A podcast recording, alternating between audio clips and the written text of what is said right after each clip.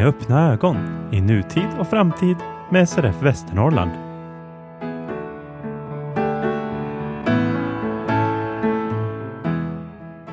Varmt välkomna till första mars till Med öppna ögon som är tillbaka.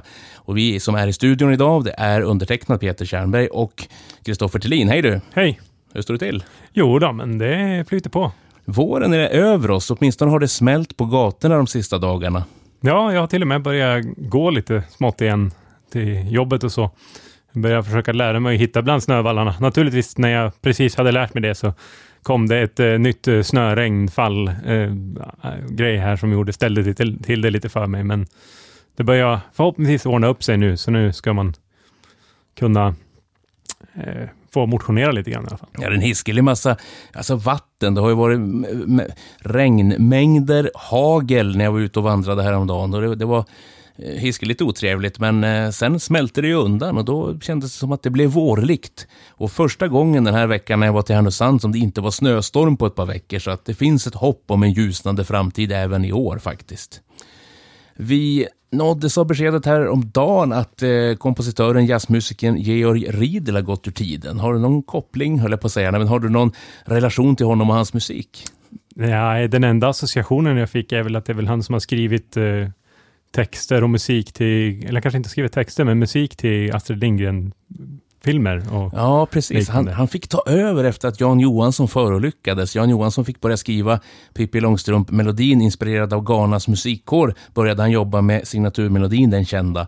Och eh, förolyckades. Georg Riedel kom in och tog över och blev sen väldigt känd skulle jag säga. Han var ju det i jazzkretsar, men blev också väldigt känd i övriga kretsar, i barnkretsar inte minst. Kanske inte så att man kände igen honom. Han berättade själv i söndagsintervjun att han kunde sitta på tåget och höra småbarn sjunga på hans sjörövarfabbe och fattig bonddräng. Här log han lite och sa ah, det där har jag skrivit, men det säger jag inte högt. Mycket sympatisk person verkar det vara åtminstone, som vi sänder våra tankar till. Vi kommer idag att be oss till Matfors för att gå på kafétramp med SRF Sundsvall. Vi kommer också att träffa SRF Sundsvalls nyvalda ordförande Anita Eklöv. SRF Sundsvall har haft årsmöte, nämligen den 26 februari. I övrigt kommer vi att prata mycket om ögonsjukvården. Den har det talats och skrivits mycket om. Vi har sett en insändarstorm i Sundsvalls tidning, dels från patienter men också att Medelpass läkarförening har gått ut och kritiserat förhållandena på ögonkliniken. Verksamhetschefen har svarat, vi vet inte vad som gäller, men det ska vi ta reda på. Vi kommer att träffa både Annie Aspvik som är verksamhetschef för ögon och hörselvård och Medelpads läkarförening och inte minst också ansvarig politiker Elina Backlund Arab, ordförande för hälso och sjukvårdsnämnden. Men eh, det här med kafétramp var det, vad kan det innebära? Kafétramp med SRF Sundsvall och idag i Matfors på det goda bruket. Och eh, han som sitter bredvid Roger Johansson har också tagit initiativet till det här. Hur kom du på själva idén?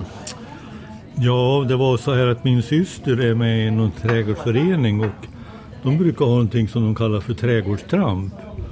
Och då tänkte jag till, ja men varför, vi kan väl ha ett kafétramp inom föreningen här. Så nu har vi varit iväg på, är det fyr, fjärde stället? Jag tror det är fjärde stället ja. faktiskt. Det här är min, min premiär men yes. Eh, det, det, blev succé från start vill jag minnas. Ja och eh, nu är det första gången vi är utanför stadsgränsen kan man säga. Utan nu är vi i Matfors. På mina hemdrakter. Så det är ju väldigt trevligt. Och rätt mycket folk även här. Ja, är det. Och så äter vi nu några stycken vid vårat bord här har jättegoda semlor. Precis, och folk, en del har chokladbollar och lite andra grejer så att det, det är väldigt ja, blandat vad som finns. Och då är det så att folk betalar sitt eget fika och sen får man tillbaka sin resa om man inkommer med kvitton. Det är upplägget som gäller.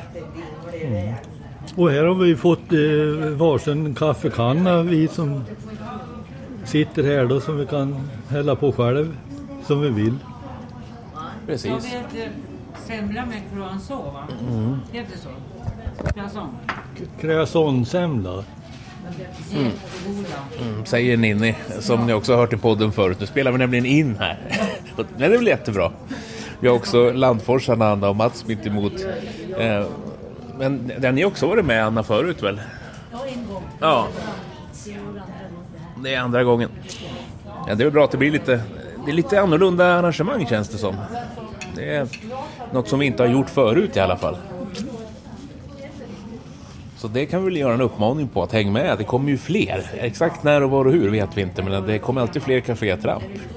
Eh, Och den som tänker att det har med presidenten den gamla USA att göra har fel. Det bara heter Trump i alla fall. Det var någon som gjorde den kopplingen och så inte va? Va, va, va? Vad ska ni göra med det? Men, men då fick man förklara vad det var. Det var lite kul faktiskt. Eh, Men eh, Matfors, eh, Goda Bruket, vet vi någonting om det här stället Roger? Ja, här har det ju varit en klädbutik en gång vet jag. Och det har varit en spelbutik.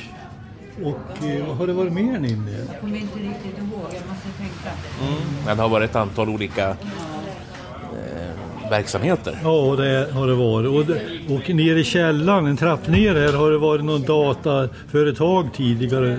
Nu, de som har det goda bruket nu har eh, klädbutik där nere med olika eh, designkläder. Just det, det är inte bara fik utan det är, Nej. man kan gå och kolla också på och grejer. sen kan man köpa lite Prydnadssaker. porslin och, och ja, lite av varje här. Spännande. Och det är bara att fortsätta. Det här är, ju- ligger i sin linda. Det är fjärde gången nu bara. Jajamän. SRF Sundsvall genomförde sitt årsmöte måndagen den 26 februari och nu har man en ny person på ordförandeposten. Anita Eklöf, nyvald ordförande för SRF Sundsvall. Ska vi börja med att leka sportreporter och fråga hur känns det här? Det känns bra. Kort och gott. Men du funderade länge innan du skulle tacka ja, va? Ja, jag tyckte liksom att jag var med så länge så jag behöver inte bli ordförande. Eller? Jag tror inte jag klarar av det, tänkte jag.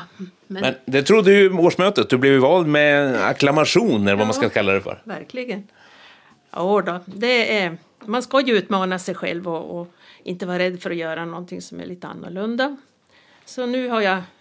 Nu är är det ingen återvändo.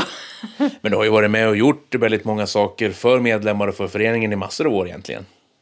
Ja, jag är väl ingen nybörjare egentligen. Det här med att leda möten som du inte riktigt gillar, men det, det går väl bra det med. Ja, jag får väl öva. Jag, jag tar ju dig på armen så jag känner om jag säger rätt eller fel.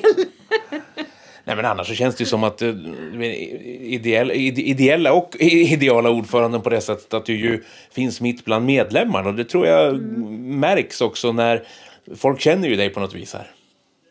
Ja, jag kan väl inte sticka under stolen att inte är så. Jag nådde ju de här nya medlemmarna på en gång.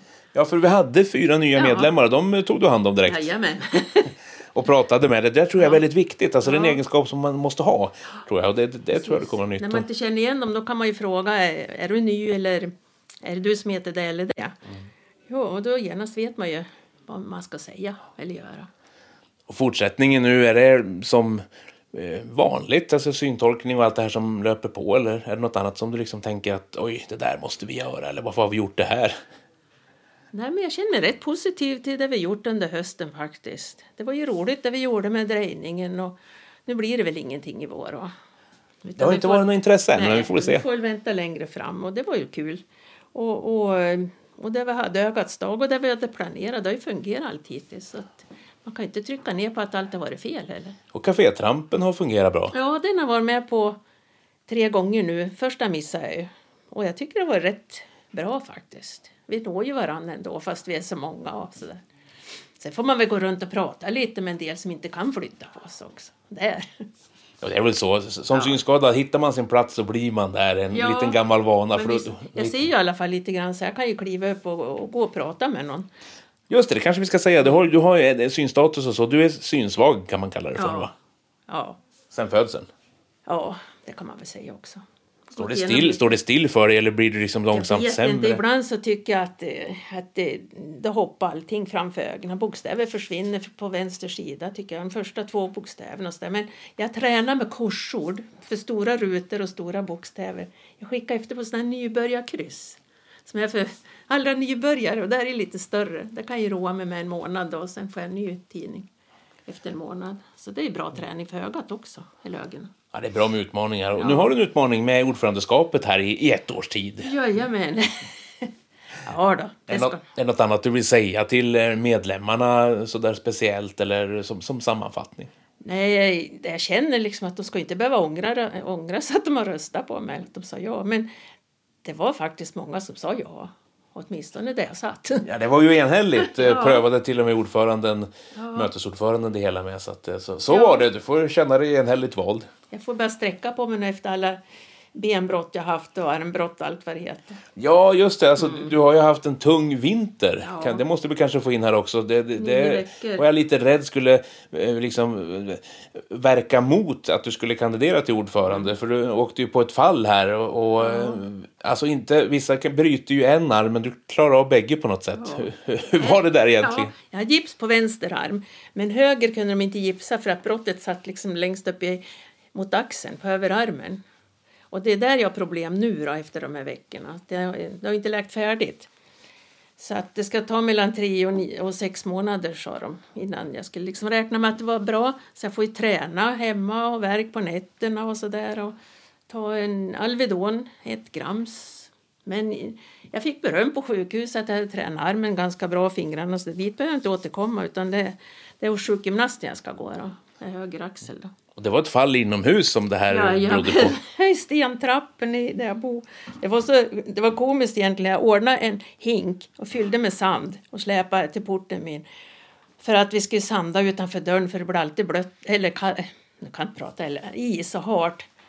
Och för jag ramlade där i fjol en gång, men då slog jag bara rumpan.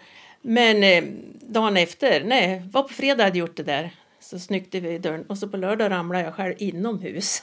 Ja, det är lätt hänt. Det var, Ja. det var trappen ner där. Jag, slog, jag åkte på ända några trappsteg så jag slog i ryggen och benen och jag är blågul överallt. Fast nu börjar jag rätta till sig lite. Jag orkar ju vara med folk nu och sådär. Men det var tröttsamt första tiden. Så hela jul har ju passerat och nyår och trettondagshelgen och då var det, var det hemma. Men- Utnyttja familjen.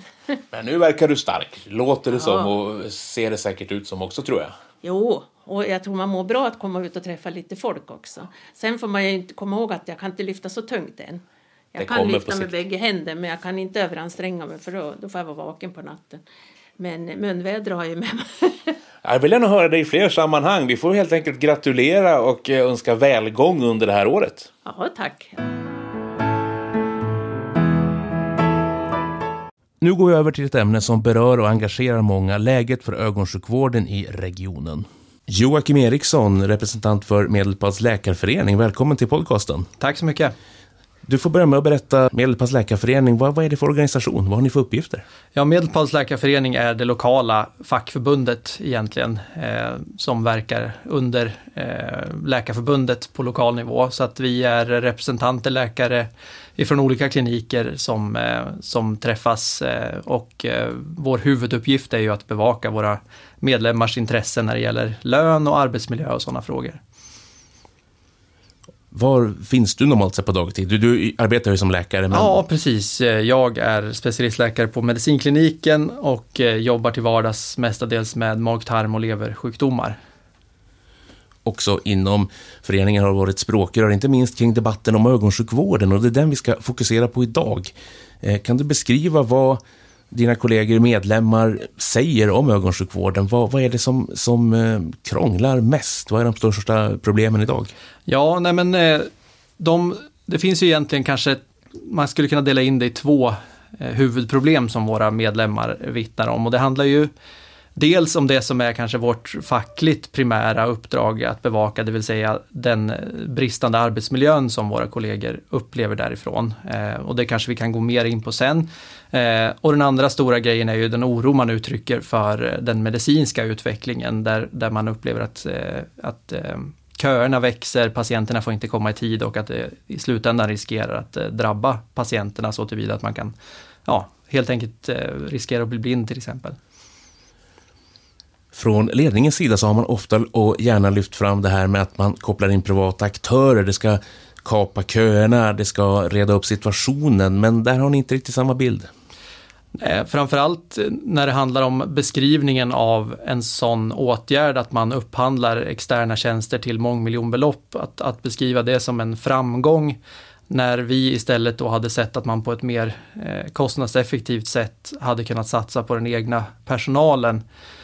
Men att beskriva upphandlingen av, av köp av externa tjänster för mångmiljonbelopp som en, som en framgång, det tycker ju vi är magstarkt.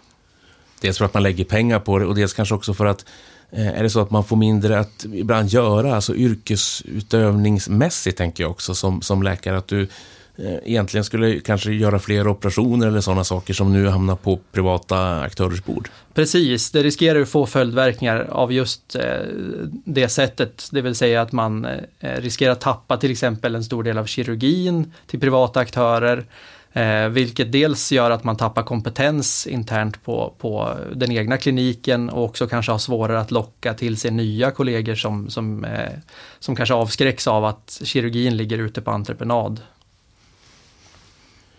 Ni och eh, verksamhetschefen för ögonsjukvård, Annie Aspik, har ju haft en debatt i Sundsvalls Tidning där ni bland annat har pratat statistik och där är ni inte riktigt överens. Eh, hon presenterar sina siffror eh, som hon ska få försvara i ett annat inslag eller berätta om i ett annat inslag. Eh, ni har också statistik. Hur plockar ni fram er statistik? Ja, vi har ju från fackligt håll framförallt skrivit de här artiklarna, debattartikeln med hjälp av kollegor på ögonkliniken som av oro för repressalier inte har velat gå fram med egna namn. Eh, och den, det underlag, det faktaunderlag och de siffror som, som ligger till grund för vår debattartikel har tagits fram av eh, kollegorna där. Och det har framförallt, som jag uppfattar det, skett eh, genom egna efterforskningar i, i form av, eh, av intern statistik som finns tillgänglig internt. Då. Och det där med oron för repressalier ska vi absolut komma tillbaka till. Mm. Men innan vi släpper statistiken, det finns ju också sån statistik ni har gått ut med att eh, ja, enligt uppgift under 2021 så var det 226 personer i genomsnitt per månad som väntar på ett läkarbesök mm. i mer än 180 dagar. Under 2023 så ska den siffran ha ökat till 765 personer. Mm. Det låter alarmerande. Det tycker jag också och eh, om jag uppfattar mina kollegor rätt så eh, är det just så att ju längre man får vänta på sitt första besök och ju längre man får vänta eh, på att få en läkarbedömning desto större Eh, riskerar ju eh, riskerna att bli av den väntetiden. Vad är analysen från kollegiet varför det ser ut så här egentligen? Ja, jag tror att det finns eh, väldigt många förklaringar och de som vi har lyft fram i debattartiklarna handlar ju mycket om att det har bildats en slags klyfta mellan ledningen och, och medarbetarna där, där man inte tycker att man får gehör för de problem som finns. Man eh, man har kanske förslag och önskemål på att arbeta i en annan riktning och framförallt kanske att man vill satsa mer på den interna kirurgin till exempel för att komma ikapp med, med köerna där. Eh, men att våra kollegor upplever att, att ledningen inte eh, riktigt lyssnar och, och överhuvudtaget att man, man inte riktigt vill kännas vid att det här problemet finns utan eh, man, man, istället presenterar man siffror som, som hela tiden visar att allting är bra och allt går åt rätt håll och det går ju verkligen på tvärs med vad våra kollegor och våra medlemmar eh, ger uttryck för. Ja, man har sagt också att det är svårt att rekrytera och då brukar man hänvisa till att ja, det finns så få ögonläkare i landet och ögonsköterskor och det är svårt att få dem att komma hit. Mm. Men kanske, mm, det, det är kanske också en del utav det, men eh, låt oss gå in på situationen då. Ni skriver att den är nattsvart på ögonkliniken i er insändare den 7 februari i Sundsvalls Tidning. Mm. Att eh, en tystnadskultur breder ut sig. Hur, hur kan det där märkas? Ja, eh, situationen beskriver vi som nattsvart av bo, liksom alla de här skälen. Att vi, vi, de siffror som vi har fått ta del av via våra kollegor ser ut att peka åt fel håll, att, vi, att köerna växer, att vi säljer ut en stor del av det som vi tycker vi ska kunna klara internt på privat eh, extern entreprenad till mångmiljonbelopp. Och dessutom att arbetsmiljön beskrivs som väldigt dålig av våra medlemmar. Eh, så dålig att eh, det också har lett till uppsägningar av, av framförallt då en väldigt omtyckt senior överläkare med, med väldigt unik kompetens. Hur kan det komma sig att man drar så åt olika håll, ledningsmässigt, verksamhetschefsmässigt eh, och övrig ledning också, och de som jobbar, om man nu ska ta till gamla uttrycket på golvet, men de som, de som jobbar i verksamheten väldigt tydligt? Ja, jag tror att det handlar om, eh, så, som, så som vi ser det på, från vårt perspektiv, handlar det om en ovilja att, eh, att ja, men liksom se sanningen i vitögat och liksom att kanske eh, våga eh, stå för att de här problemen har uppstått. Man, man jobbar hela tiden med någon form av putsning av fasaden, att visa upp att allting är bra eh, istället för att ta tag i de problem som finns. Så att jag tror att det är just den här klyftan som har bildats mellan cheferna och, eh, eh person, personalen på golvet. Att man, man upplever inte att man blir, eh, får något gehör för det man säger utan tvärtom riskerar man att drabbas av olika former av repressalier. Finns det någon fungerande dialog eller vågar man inte gå fram med det? Eller finns det former där ni till exempel träffar ledningen som förening? Eh, vi har ju vid flera, gång, flera tillfällen eh, innan, alltså långt innan vi eh, skrev de här artiklarna och gick ut med det i, mm, liksom, offentligt så har vi sökt den dialogen just med ledningen på ögonkliniken. Men Eh, det är framförallt vår ordförande som har skött de kontakterna men de signaler vi har fått är att man inte är intresserad av dialogen och just som jag sa tidigare, man, man vill inte kännas vid att de här problemformuleringarna finns överhuvudtaget. Så att eh, man kan väl säga att vår dialog med, med ögonklinikens ledning är eh, i princip obefintlig och det är ju ett av skälen till att vi också valde att gå ut med det här i, i media. Har ni fått någon respons från den politiska ledningen? Det finns ju också en region med politiker, det finns en hälso och sjukvårdsnämnd. Är det tyst därifrån eller har ni fått några kommentarer? Eh, det är än så länge tyst eh, och eh, det brukar väl vara ungefär så när vi går ut med olika eh, olika former av kritik. Vi har ju varit ute även tidigare från facket och, och markerat mot situationen på hudkliniken och även vad gäller liksom bristen på vårdplatser och sådana saker. Och, eh, så det mönster som brukar utspela sig är att de stora partierna och framförallt de partier som sitter i majoritet och som styr och som på något sätt känner att vår kritik är en indirekt kritik mot dem brukar inte eh, vara intresserade av att, att prata med oss. Eh, Medan mindre partier, särskilt som sitter i opposition, gärna brukar höra av sig. Men hittills har vi inte hört så mycket från den politiska sidan gällande de här frågorna. Vad skulle ni vilja att den politiska sidan gjorde?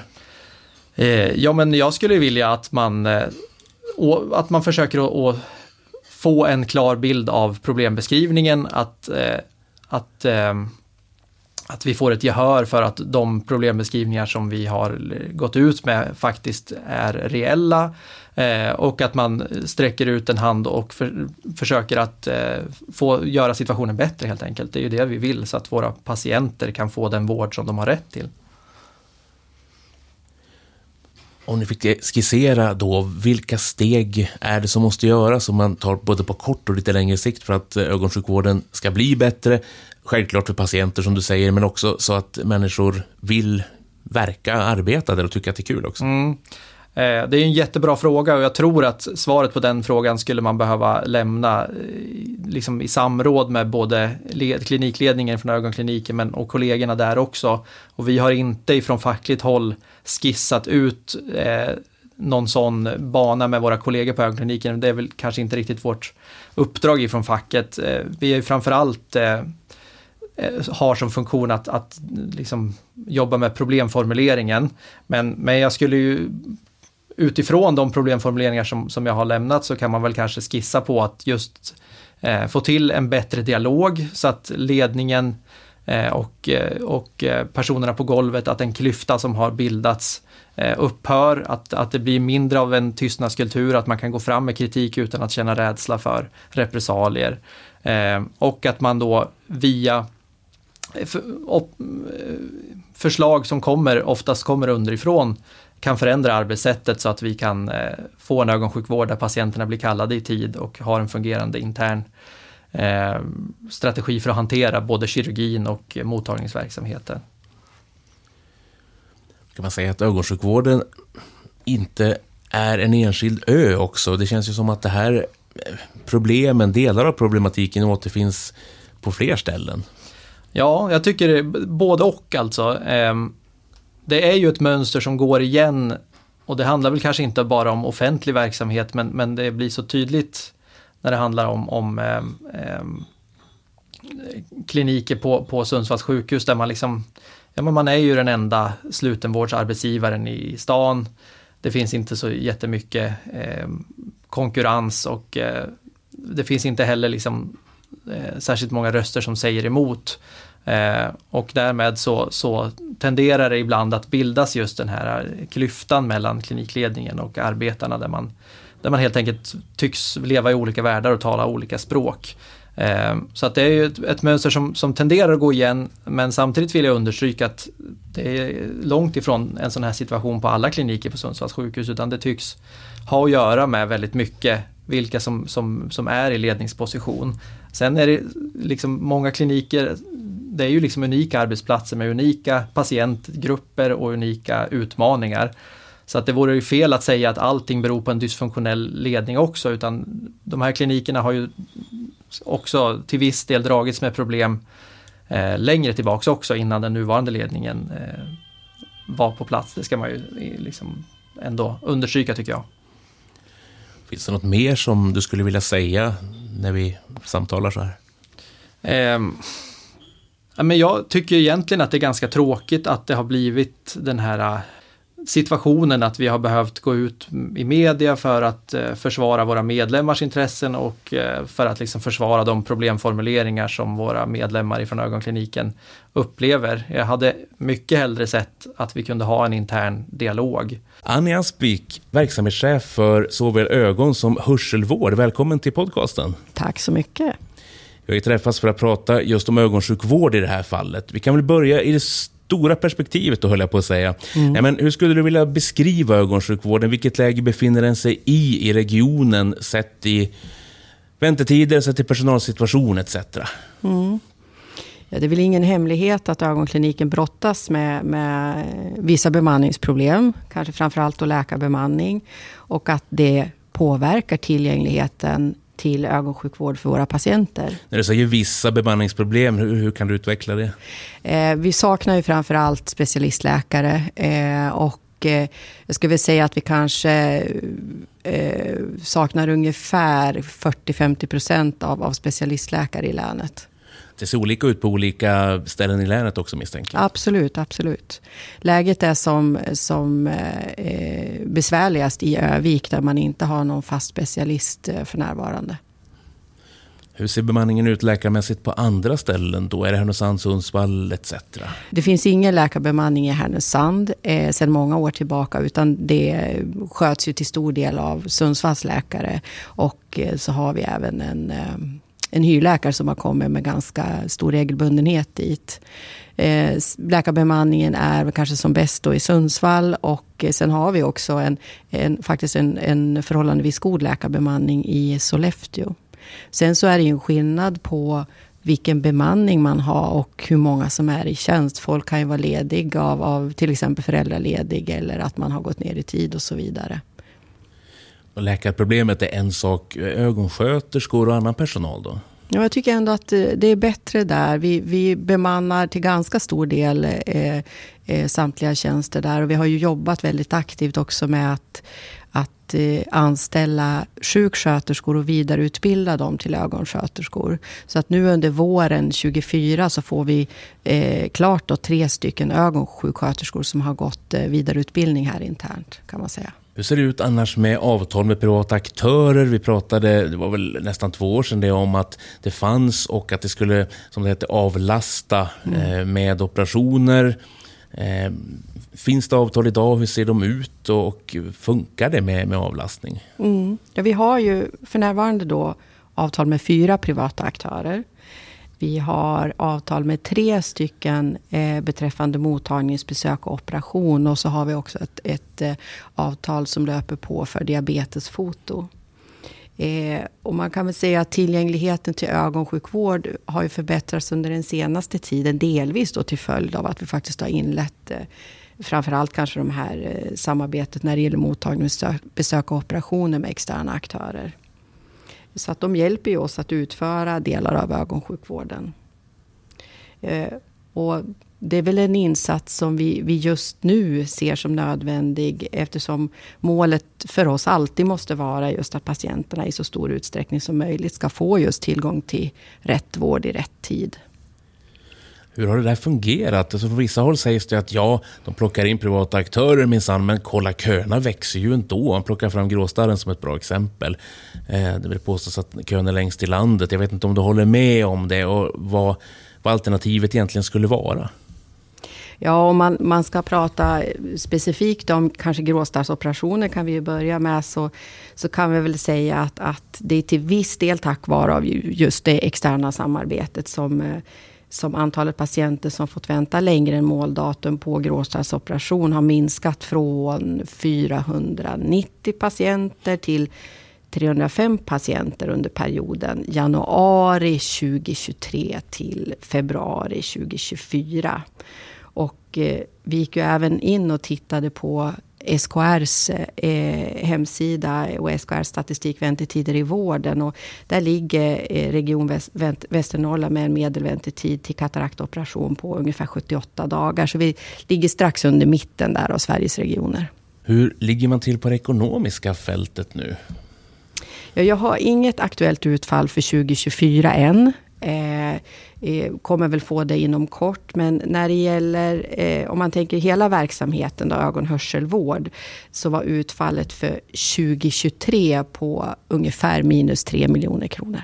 Och när vi pratade i oktober 2022 så sa vi ja, alltså ögonsjukvården går med plus, men det är ju inte bra för det beror på att det fattas folk. Ja, det stämmer ju. Det är ju så att all produktion och all vård kostar ju pengar. Så eh, eh, har man mer personal anställda och producerar mer så blir man ju dyrare. Och så ska man ju också lägga till till exempel inom hörselvården där vi provar ut hörapparater. Så ju mer vi hjälper våra patienter där med utprovningar desto mer hörapparater måste vi också förskriva. Och det blir ju också en, en kostnad då. Så att självklart kostar produktion och så ska det ju vara. Ögonsjukvården har ju stått i fokus, inte minst inom delar av massmedia, Sundsvalls Tidning framför allt kanske under den senaste tiden. Situationen är citat nattsvart enligt vissa uppgifter. Eh, det talas om en utbredd tystnadskultur på ögonkliniken. Hur skulle du, eller ögonmottagningen också, eh, hur skulle du vilja beskriva nuläget? Jag skulle säga så här att det finns ju alltid saker som, som man kan jobba med och förbättra. Och, och lika väl som vi då i, i, när vi tänker vård för våra patienter så måste vi ju sträva efter att ge så många patienter som möjligt rätt vård i rätt tid. Eh, så är ju också en strävan att, att eh, våra medarbetare ska trivas och känna att det är meningsfullt att gå till jobbet. Och, och där tror jag alltid att man kan utveckla. Men vad tror du har gjort att det har kommit de här signalerna? För det är klart att det kanske är skillnad på att inte trivas av en eller annan anledning till att man faktiskt slår larm. Ja, jag tror att det kan finnas många förklaringar och det är väl någonting också som, som eh, det blir spännande att ta en dialog, tänker jag, med, med kanske MLF i första hand kring. Och, eh, jag tycker att det är väldigt bekymmersamt eh, eh och eh, att, att, eh, att det kommer fram så mycket oro. Jag, jag pratar gärna mer också med, med MLF kring de här sakerna. Jag ser ju även också just att det finns ljuspunkter i, i, eh, i ögonsjukvården i Region Västernorrland och de tycker att det det känns viktigt att få lyfta fram dem också. Har ni haft någon dialog? MLF, alltså Medelpassläkarföreningen, ni har ju debatterat en del i tidningarna, men har, har ni träffats live? Ja, självklart träffas vi ju live. Vi har ju individuella, individuella möten och sånt. Så, så, att vi har ju träffats till viss del live. Kanske inte så mycket som, som, eh, eh, som jag kanske hade önskat då. Så att jag tror att, att mer dialog kommer säkert att komma. Du har ju fått kritik från föreningen bland annat för eh, friserade siffror enligt dem då. Det ska du naturligtvis få chansen att bemöta. Eh, man eh, skriver om det här i insändaren den 7 februari eh, där man tycker att du har förbättrat nuläget genom att ta fram statistik från den sämsta månaden som blev vara augusti 2023 eh, och jämföra med nuläget. Jag vet inte vad du har att säga. Det är, det är en skarp anklagelse. Ja, jag kan ju jag kan inte uttala mig riktigt angående MLF statistik, men utan jag kan ju då hänvisa till till den statistik vi får fram i våra system och även då SKRs nationella väntetidsrapporter. Vad tror du de får statistik ifrån? Jag vet inte, så det blir spännande tänker jag att se. De gör ju också en jämförelse med eh, vårdgarantin oktober 2021. Man hävdar då att besöken inom vårdgarantin eh, inom regionen den har minskat med 16 procentenheter. Är det något som du känner igen? Jag satt ju och tittade på, på, på det här med, med... Eh, vi brukar ju vara väldigt intresserade av att titta på antal patienter som har väntat längre än måldatum. Det vill säga väntat längre än det datum man har sagt att en patient ska komma. Och en alldeles färsk siffra visar att vi i februari nu har eh, 6 751 patienter i vårt system, exklusive operation, för det ligger då i ett annat system, eh, som har väntat längre än måldatum. Och för ett år sedan så låg den siffran på 9 070, så att, att då har den ju minskat under den perioden. Statistik är ju spännande och siffror kan ju förvilla och intressera, men jag, jag, tycker det är intressant också, för man har ju också från MLFs sida redovisat siffror eh, från oktober 2021 när det gäller eh, patienter som inte fått komma till eh, läkare och göra läkarbesök inom vårdgarantins 90 dagar. Och enligt deras uppgift så är det under 2021 genomsnitt 226 personer per månad som väntat eh, Eh, så pass länge med läkarbesök som 180 dagar. Under 2023 skulle den motsvarande siffran vara uppe i 765 personer. Det skulle vara en ökning med 238 procent. Det låter inte bra alls. Jag har som sagt var svårt att uttala mig angående MLF statistik. Utan jag kan ju bara hänvisa till, till den statistik som, som jag får fram i regionens system. Eh, och och SKRs nationella väntetidsrapporter. Hur tror du det kommer sig att ni har så pass olika bild av läget? Det är ju statistiken en sak, men även situationen, läget för den totala ögonsjukvården. Eh, ja, jag vet inte. Jag tänker att det är väl ett, ett, en, en ypperlig grund till en fortsatt dialog. Det finns ingenting som du tänker att äh, klara förbättringsområden. Vi har ju pratat om personalsituation och sådana saker, men mer, tänker jag. Alltså man säger ju ofta lyssna på professionen. Hur, hur sker det idag? Dialogen, tänker jag, ledningen som du tillhör och kollegiet i övrigt. Vi har ju tänker jag, ändå ganska många olika forum för, för eh, en, en dialog kring ögonsjukvård mellan både då kanske olika personalkategorier och eh, personal och ledning. Eh, och eh, jag tänker där fackliga också kan vara engagerade, lokala fackliga representanter och så vidare. Vi har ju våra APT, våra arbetsplatsträffar. Eh, vi har sektionsmöten för, för eh, eh, olika sektioner som kan man säga jobbar med olika delar av ögonsjukvården. Vi har läkarmöten, vi har sköterskemöten med mera. Så jag tycker ändå att det finns ganska mycket forum för just dialog. Vilka punkter är det den inte är överens då? Vi har ju pratat statistik och andra saker, men, men jag misstänker att det finns fler saker här? Eller finns det någon slags grundsträvan åt samma håll? Känns det så? Jag tror ju alltid att, att såklart både fackliga representanter och ledning och personal, eh, alla som jobbar med sjukvård har ju i grunden en strävan att, eh, att kunna erbjuda våra patienter rätt vård i rätt tid. Det är ju det vi ska göra och det är ju det som är vårt, vårt gemensamma uppdrag och vår gemensamma utmaning också. Eh, och där kanske det inte är så att Region Västernorrland sticker ut utan jag tror att nationellt så, så är det ändå ett, ett, problem och vi vet att vi kan inte i tillräckligt stor utsträckning erbjuda våra patienter rätt vård i rätt tid. Och så, det är ju någonting som vi alla, alla måste jobba med och alla måste sträva mot.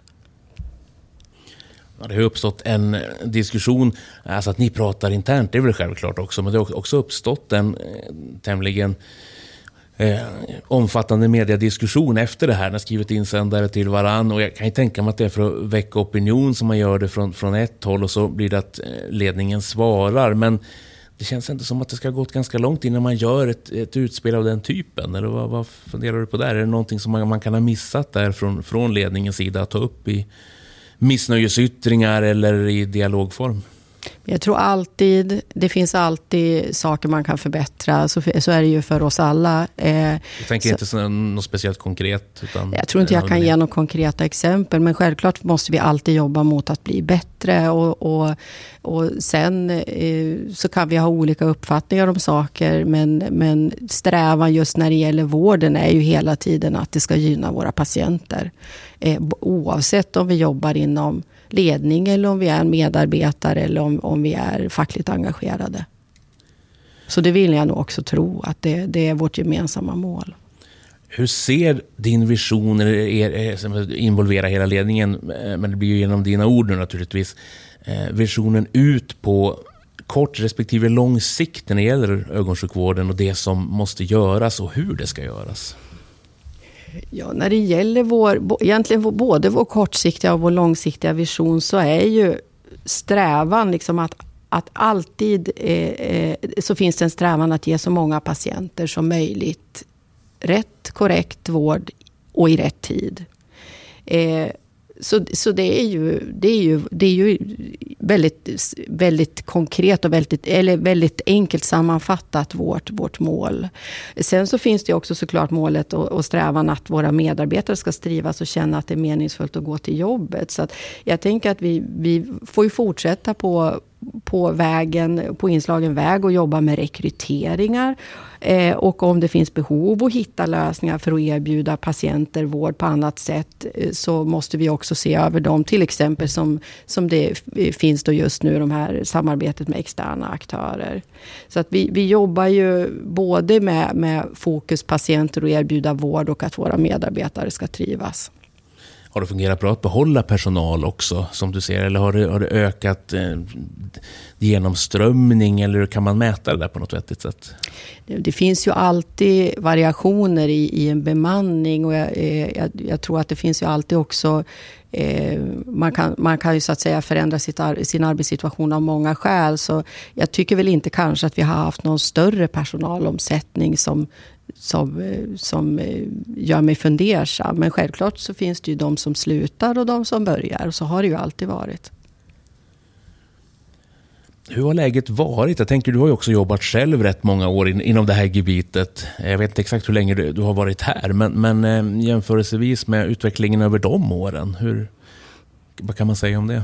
Ja, jag började ju som, som, eh, som läkare inom ögon 2000, så det är ju då 24 år sedan. Eh, det har ju hänt både mycket och lite kan man säga. Det, det, framförallt så har det ju tillkommit eh, eh väldigt mycket vård som kanske inte fanns när jag började. Med väldigt mycket medicinska eh, eh, möjligheter som inte fanns när jag började. Till exempel då hela eh, gula fläcken eh, eh, patientgruppen med möjligheter till att behandla på ett sätt som faktiskt inte fanns när jag började. Och det har ju såklart också för, förändrat förutsättningarna för ögonsjukvården.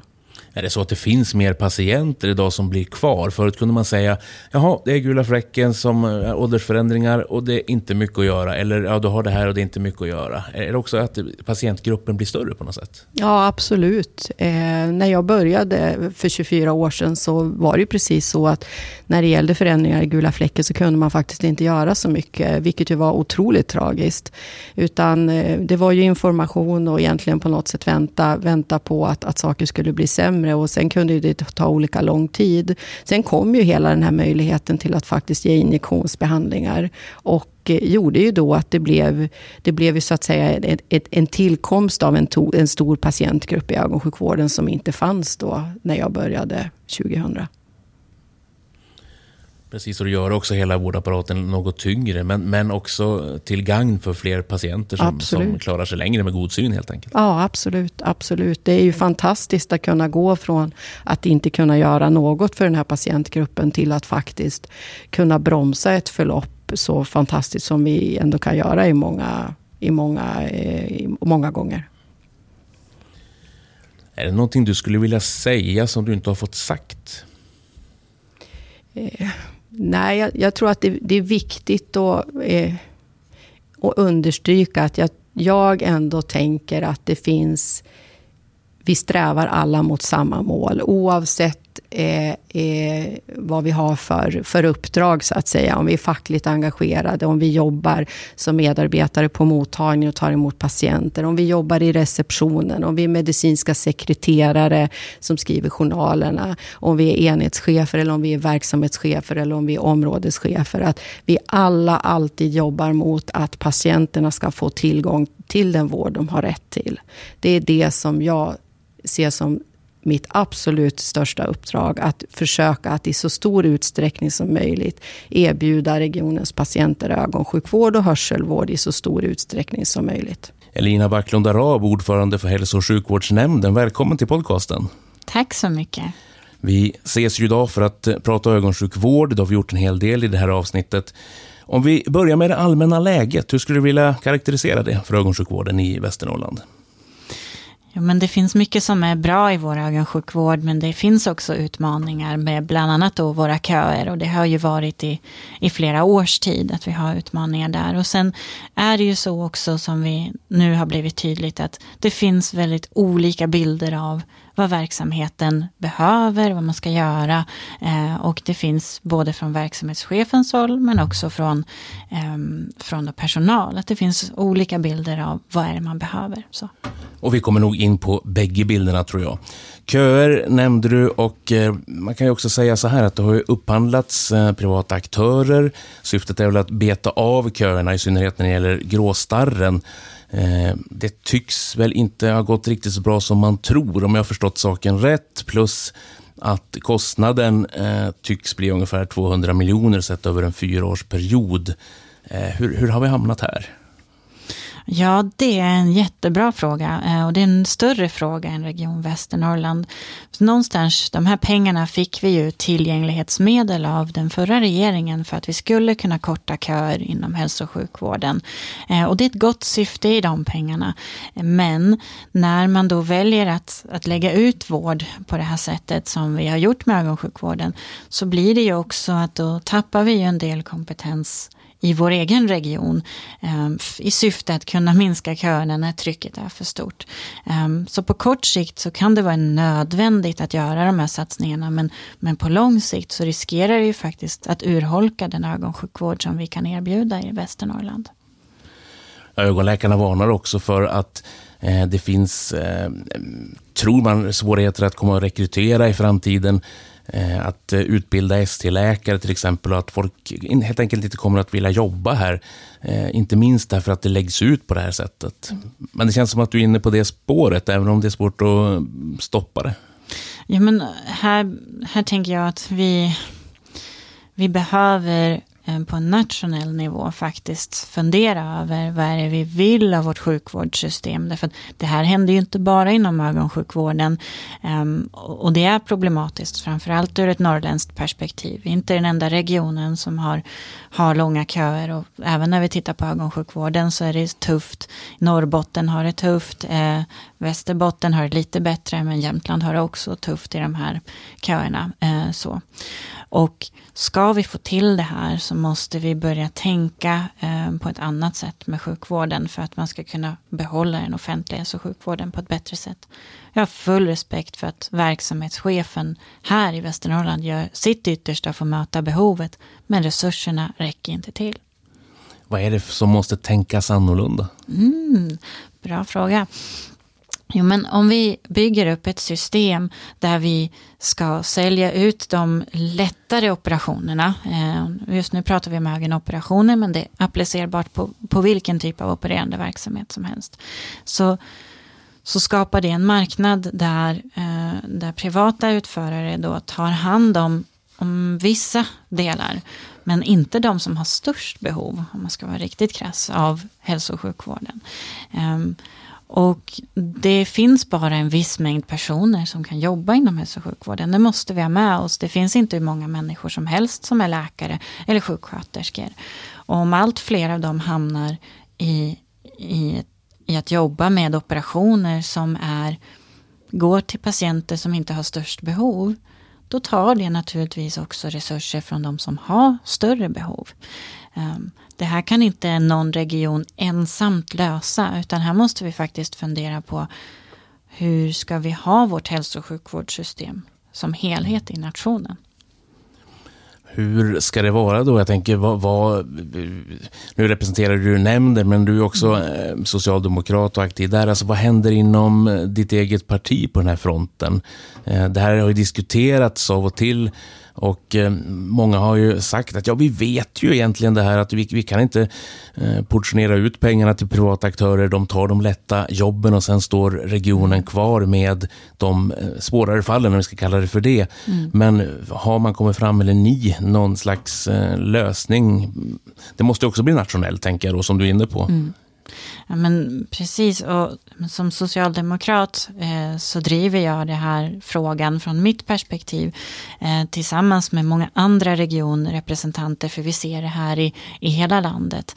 Eh, min förhoppning är att vi inför nästa val ska kunna, och inför partikongressen 2025 ska kunna ha tagit tydlig ställning i de här frågorna när det gäller eh, privatiseringar av hälso och sjukvården och tandvården för den delen. Finns det någon sån rörelse, alltså konkreta förslag? Eh, debatten om vinster i välfärden har ju pågått ett tag, men den blev ju inte riktigt stoppad. Men är det någonting åt det hållet som ni strävar åt, eller ska det vara någon, någon annan eh, lösning där? Ja, Ehm, jag skulle säga så här att lösningen är inte klar än och det pågår ju ett stort arbete inom partiet nationellt just med vad är det för samhällsanalys vi behöver göra och vad är det då vi behöver bygga för välfärd eh, bland annat. Och ehm, jag skulle säga att det pågår väldigt mycket arbete eh, just nu som inte riktigt är färdigt än. Så, men, men min förhoppning och mitt mål är att till partikongressen då ska vi kunna presentera bra förslag för att vi ska kunna fortsätta upprätthålla en vård efter behov och en gemensamt finansierad välfärd. Hur diskuterar ni inom nämnd, inom regioner runt det här? Eh, ni samverkar ju också med ett antal partier som väl inte har riktigt samma bild. Drar ni åt samma håll eller är det väldigt splittrat? Men precis, här har vi en överenskommelse. Vi samarbetar med Moderaterna, Socialdemokraterna och Centerpartiet i vår i majoritet gemensamt.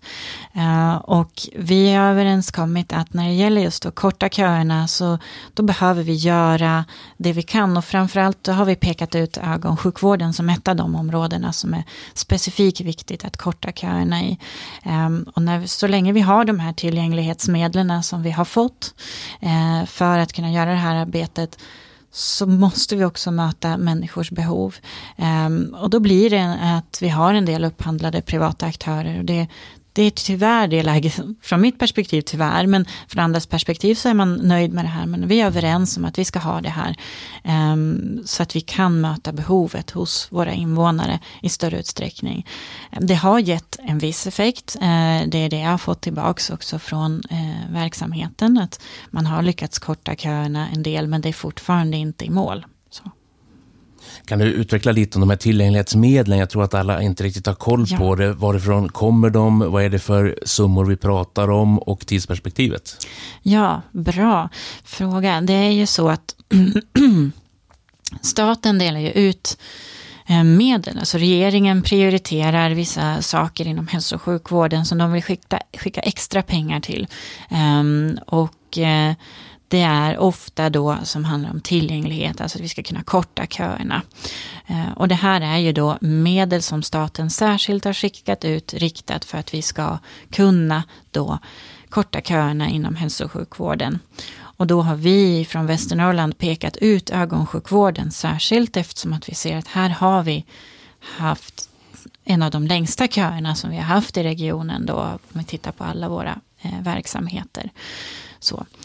Och, och använder då de här pengarna för att kunna köpa upp eh, privata aktörer så att vi ska kunna få fler opererade eh, i tid.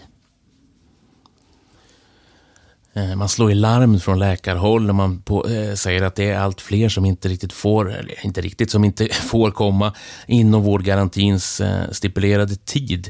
Och eh, det innebär, tror man på sikt, dels fler personer med synnedsättningar Eh, Eh, och med det också ökade kostnader för regionen och såklart lidande för personerna. Vad är det mer konkret man kan göra för att hejda det här? Ja, ehm, här tänker jag att du har ju Eh, Läkarförbundet och verksamheten, olika siffror som man tittar på. Ehm, och det vi från politiken behöver förhålla oss till, det är ju någonstans våra eh, regiongemensamma, alltså väntetider i vården, så att vi, det är de siffrorna som vi behöver, följer i grund. Ehm, och här ser vi ändå att det köerna har kortats. Eh, så om man jämför i fjol, i början med fjol, men nu så ser vi att de har kortats. Men vi är ju inte nöjd för vi är ju inte i målen. Och en viktig del är ju dels det här arbetet som pågår med produktions och kapacitetsstyrning. Eh, det vill säga att vad har befolkningen för behov? Vad behöver vi då ha, eh, kunna göra varje vecka för att vi ska möta det här behovet och kunna korta de här köerna? Att man planerar sitt arbete på ett annat sätt. Och hur mycket personal behöver vi då för att klara av att göra det här egentligen? Um, och vi ser ju att även i ögonsjukvården så finns det ju en viss brist eh, både på sjuksköterskor och läkare eh, som påverkar naturligtvis. Så här behöver vi jobba med att attrahera personal och få personal att stanna kvar.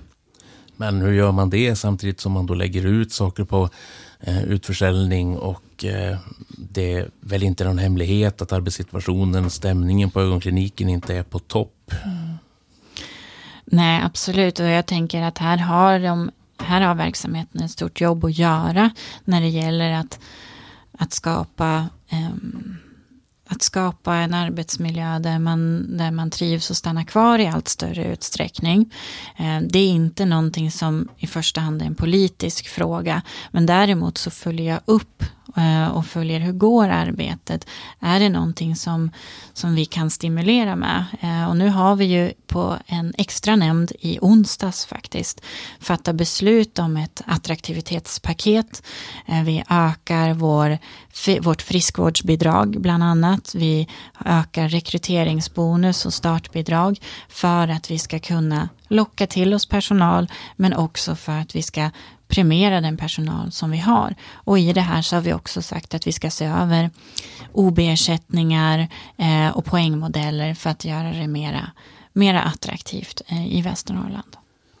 När du får information om ögonsjukvården, är det enbart från ledning, verksamhetschef eller för ni också dialoger med exempelvis eh, facket, eh, personal som kommer till er eller är det enbart via ledningen? Det, jag tänker så här, jag får information ofta från väldigt många olika håll. Både från eh, patienter, från eh, personal, från ledning eh, och, och, verksamhetschef naturligtvis. Sen så kommer jag alltid att styra på linjen. Det är alltid hälso och sjukvårdsdirektören som är, är min närmaste tjänsteperson och som jag ger uppdrag.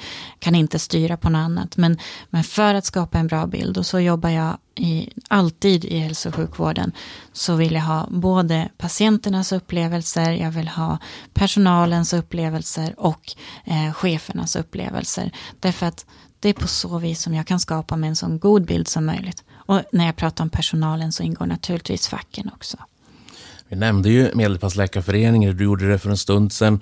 Mm. Och de har också skrivit insändare och bland annat där tar upp eller hävdar att 2021 eh, så fanns det i genomsnitt 226 personer som väntat på ett läkarbesök i mer än 180 dagar och att det här har stigit under 2023 till genomsnitt på 765 personer.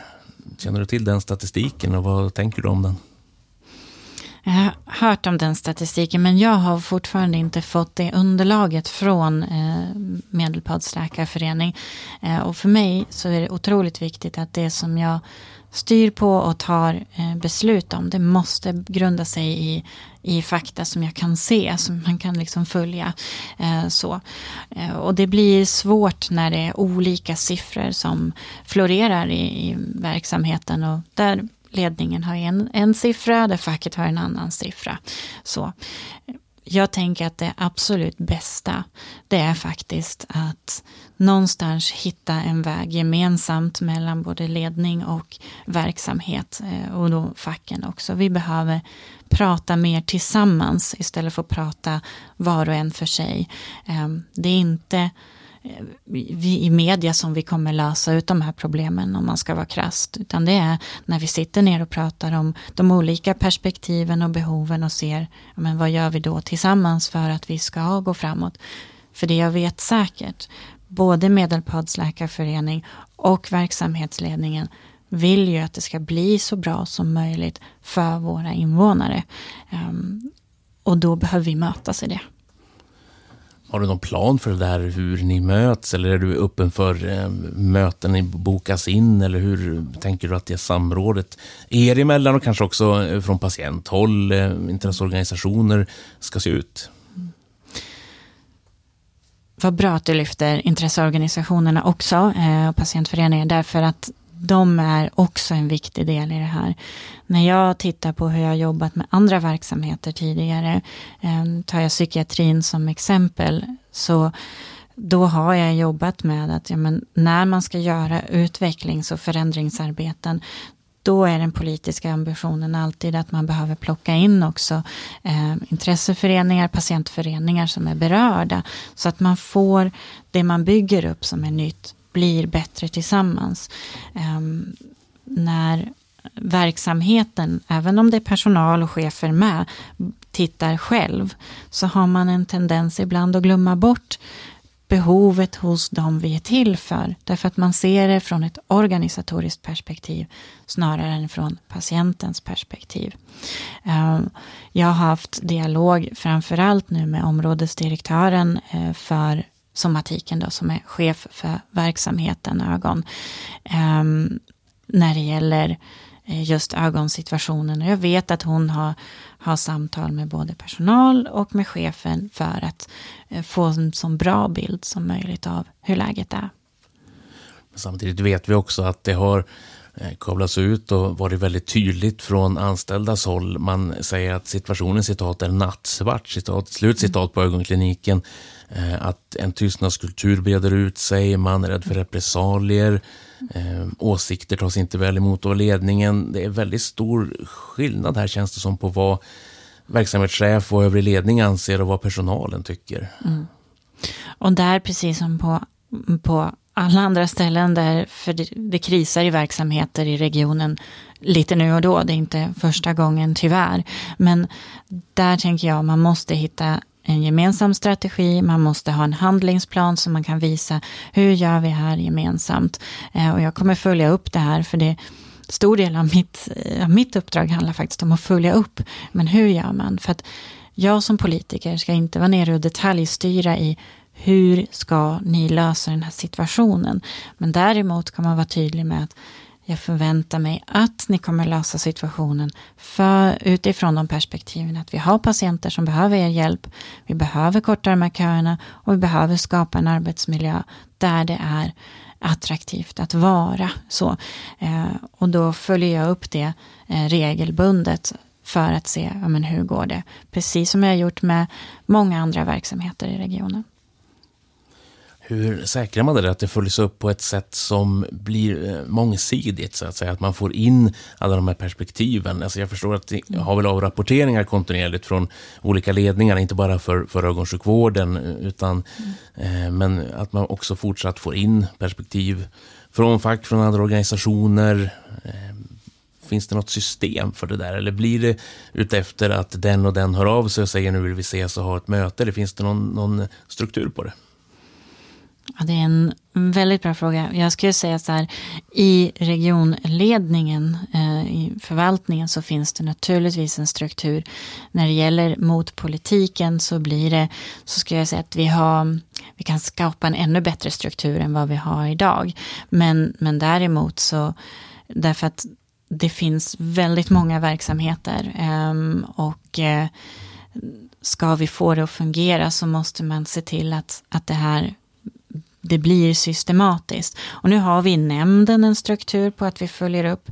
Vi har hälso och sjukvårdsdirektören som rapporterar till oss varenda nämnd. Eh, inte alltid om samma saker, men det kräver också en hel del att, att jag då i min roll faktiskt eh, noterar vad är det som behöver följas upp när. Eh, och jobbar med att, ja men, vi ska alltid ha ett nytt uppföljningsmöte så att det någonstans inte tappas bort, för det är lätt att det gör det annars. Hur kan det komma sig, tror du, att bilden av hur det fungerar eller inte fungerar skiljer sig så markant åt om man tittar på ledning kontra de som jobbar, om vi använder ett gammalt uttryck, på golvet? Mm. Ja, jag tror, utan att vara expert på exakt den här situationen, men om jag tittar över tid och tittar över hur hur det blir på, inte bara inom regionen utan även andra erfarenheter jag har av, av verksamheter eh, sådär när det blir skär sig, eh, vilket det uppenbarligen har gjort här. Eh, så är det ju oftast att det finns olika perspektiv på vad som blir viktigt och inte alltid kanske att man, man hittar hur man ska prata och leda och eh, om, alltså prata om det och leda den situationen på ett bra sätt tillsammans. Eh, det är det är aldrig någon, tänker jag, som vill ont. Oftast alla vill gott, alla vill att det ska bli bra från sitt perspektiv. Eh, men, men ibland förstår man inte varandra och då kan det skära sig ordentligt. Tyvärr. Eh, så. Och det är det är som människor fungerar i mest. Um, och därför tänker jag att det är dialog och gemensam förståelse um, som är grunden för att man ska lösa det också. Och att börja prata med varandra på något sätt kanske också där. Och där kan vi säkert mm. spela in, eh, tänker jag också. Och eh, på något vis medverka i alla fall. Men hur följer du upp det här nu? Alltså de här konkreta problemen kanske, men ögonsjukvården överlag. Vad blir liksom din, eller er, ska säga hela nämnden naturligtvis, er roll i den här processen? Mm. Och som sagt, vi ska ju inte detaljstyra. Eh, det blir bara tokigt, utan vi ska hålla det övergripande perspektivet med Eh, får våra patienter, eh, kommer de, eh, får de vård, får de hjälp? Och vad gör man i så fall för att lösa den här situationen? Och här har vi då ett antal mål som vi har satt i vår verksamhetsplan för nämnden. Och behovet är ju, har vi tryckt på väldigt extra. Vi måste möta människors behov mer och på ett bättre sätt än vad vi gör idag. Um, och nu ska vi ha en uppföljning med då hela somatiken eh, som ögon ligger under på nämnden i slutet av mars och få höra hur det har gått för dem under det här året. Så. Precis, och också finns det något mer rådslag tänker jag med människor som jobbar inom regionen också? Eh, vad mer som, ja dels vad man tycker inte fungerar, och i det här fallet mm. inom vårdsektorn, och hur man skulle kunna utforma en framtida politik, framtida styrning. Eh, såklart både förvaltningsmässigt och nämndsmässigt. Eh, för att det ska spela ner och spela över på verksamheterna på, på ett bra sätt också. Ja, och där har vi ju en personalberedning. Där sitter eh, jag som ordförande för hälso och sjukvårdsnämnden och mina två vice ordföringar. Och så sitter regionstyrelsens ordförande och de vice ordföringarna där och regionala utvecklingsnämndens ordförande och vice ordförande. Och där möts vi med de fackliga representanterna. Eh, inte bara, för det finns ju även med regiondirektör och ja, men, förvaltningsledning. Sådär.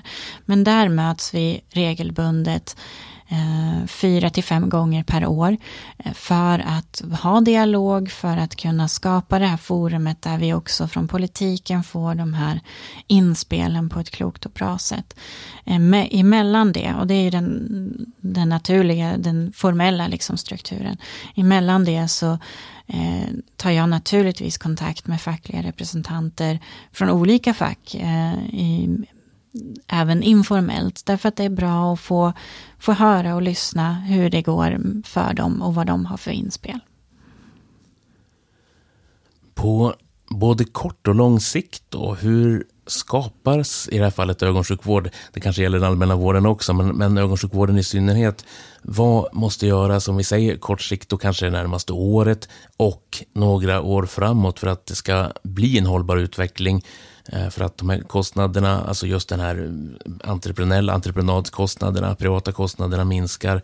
Eh, hur, hur når man dit? Vad, vad är liksom den vägen man måste gå?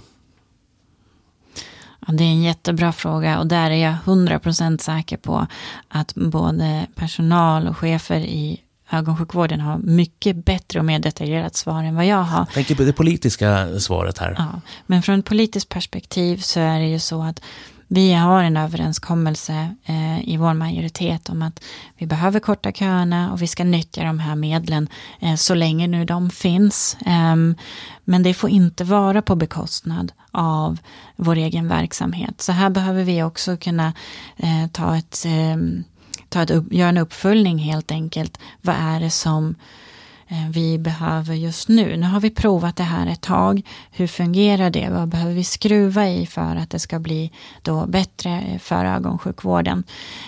Sen är det ju en fortsatt liksom hålla, hålla trycket på, om man tittar på en större perspektivet. Vi har en ekonomi som som just nu blöder pengar. Eh, och här behöver vi verkligen se över då, är det Ehm, hyrbehovet som vi har som inte är jättestort i ögonsjukvården men som är väldigt, väldigt, väldigt stort i vår region. Vi är faktiskt, tyvärr just nu har vi mm, procentuellt högst hyrberoende av alla regioner. Ehm, vi måste minska det här, annars så kommer vi inte kunna bedriva ögonsjukvård, bland annat på det sätt som vi som våra invånare förtjänar. Vad beror det där hyrbehovet på då? Alltså jag tänker, man kan säga att det fattas folk, att vi är Norrlands region. Men eh, vi vet ju också att många personalgrupper mer eller mindre har slutat. Ja, det där är en jättestor fråga. Den beror på många olika saker. Men, men mm, och det, det finns många analyser på det.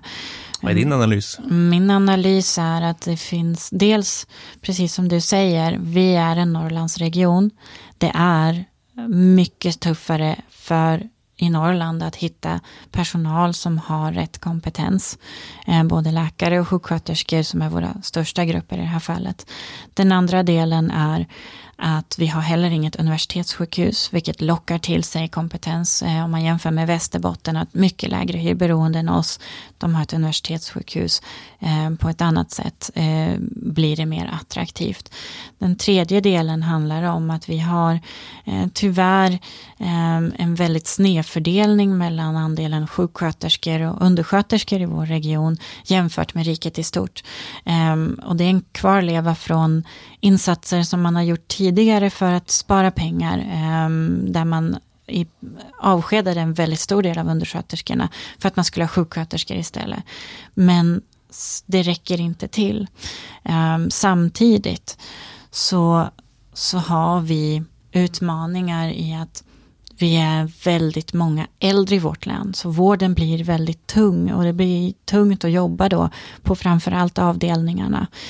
Um, och, och det gör ju att den här kombinationen av grejer eh, gör ju att det blir, det blir väldigt, väldigt svårt eh, faktiskt att få ihop det. Men så länge vi har då en, en situation nationellt också där bemanningsbolag, och vi såg det här framförallt under våren 22, eh, som, som säger som kan styra egentligen vårdmarknaden. Som kan bestämma om vi ska ha invånare här som får vård eller inte. Då kommer vi nog aldrig riktigt komma till rätta med det här. Ehm, därför att det kan inte vara så att bemanningsföretagen ska kunna sätta villkoren för när, var och hur deras stafetter ska jobba eh, och vår personal ska få ta det som är rent ut sagt skitgörat som är kvar. Ehm, det kan inte vara meningen att vårdsystemet ska funka så. Nej, och det där blir ju en lite knepig situation. Jag hör ju eh, även fler politiker och tjänstepersoner som säger ja, alltså det här systemet är bedrövligt, men vi sitter fast i det. Ja, och därför säger jag att som, då, som socialdemokrat att det här är någonting som, som vi har tagit eh, fasta på här i Västernorrland och sagt att vi ska driva den här frågan och vi ska få en reglering av hyrmarknaden för att det går inte. Så vi har nu eh, bjudit in alla socialdemokrater som håller på med de här frågorna, eh, både i riksdag och i region, till en konferens i Stockholm nu i mars för att sätta fingret på att vi behöver reglera den här marknaden och vi behöver vara överens om det. Något mer tror du som måste ske? Eh, man kan ju prata ögonsjukvård och även övrig vård, för det finns ju paralleller här hela tiden, tänker jag. Mm. Allt ifrån ekonomiska frågor till hur man trivs, hur man hinner med sitt jobb, som liksom skulle behöva ske eh, på eh, inflytande för anställda, eller ökade intäkter. Alltså det, det är väl alltid där och det funderar jag också på emellanåt. Är det så verkligen att kostnaderna är för stora eller intäkterna för små? Mm. Ja, men jag tänker så här, vi Dels så skulle vi behöva samarbeta mer i våra norra regioner.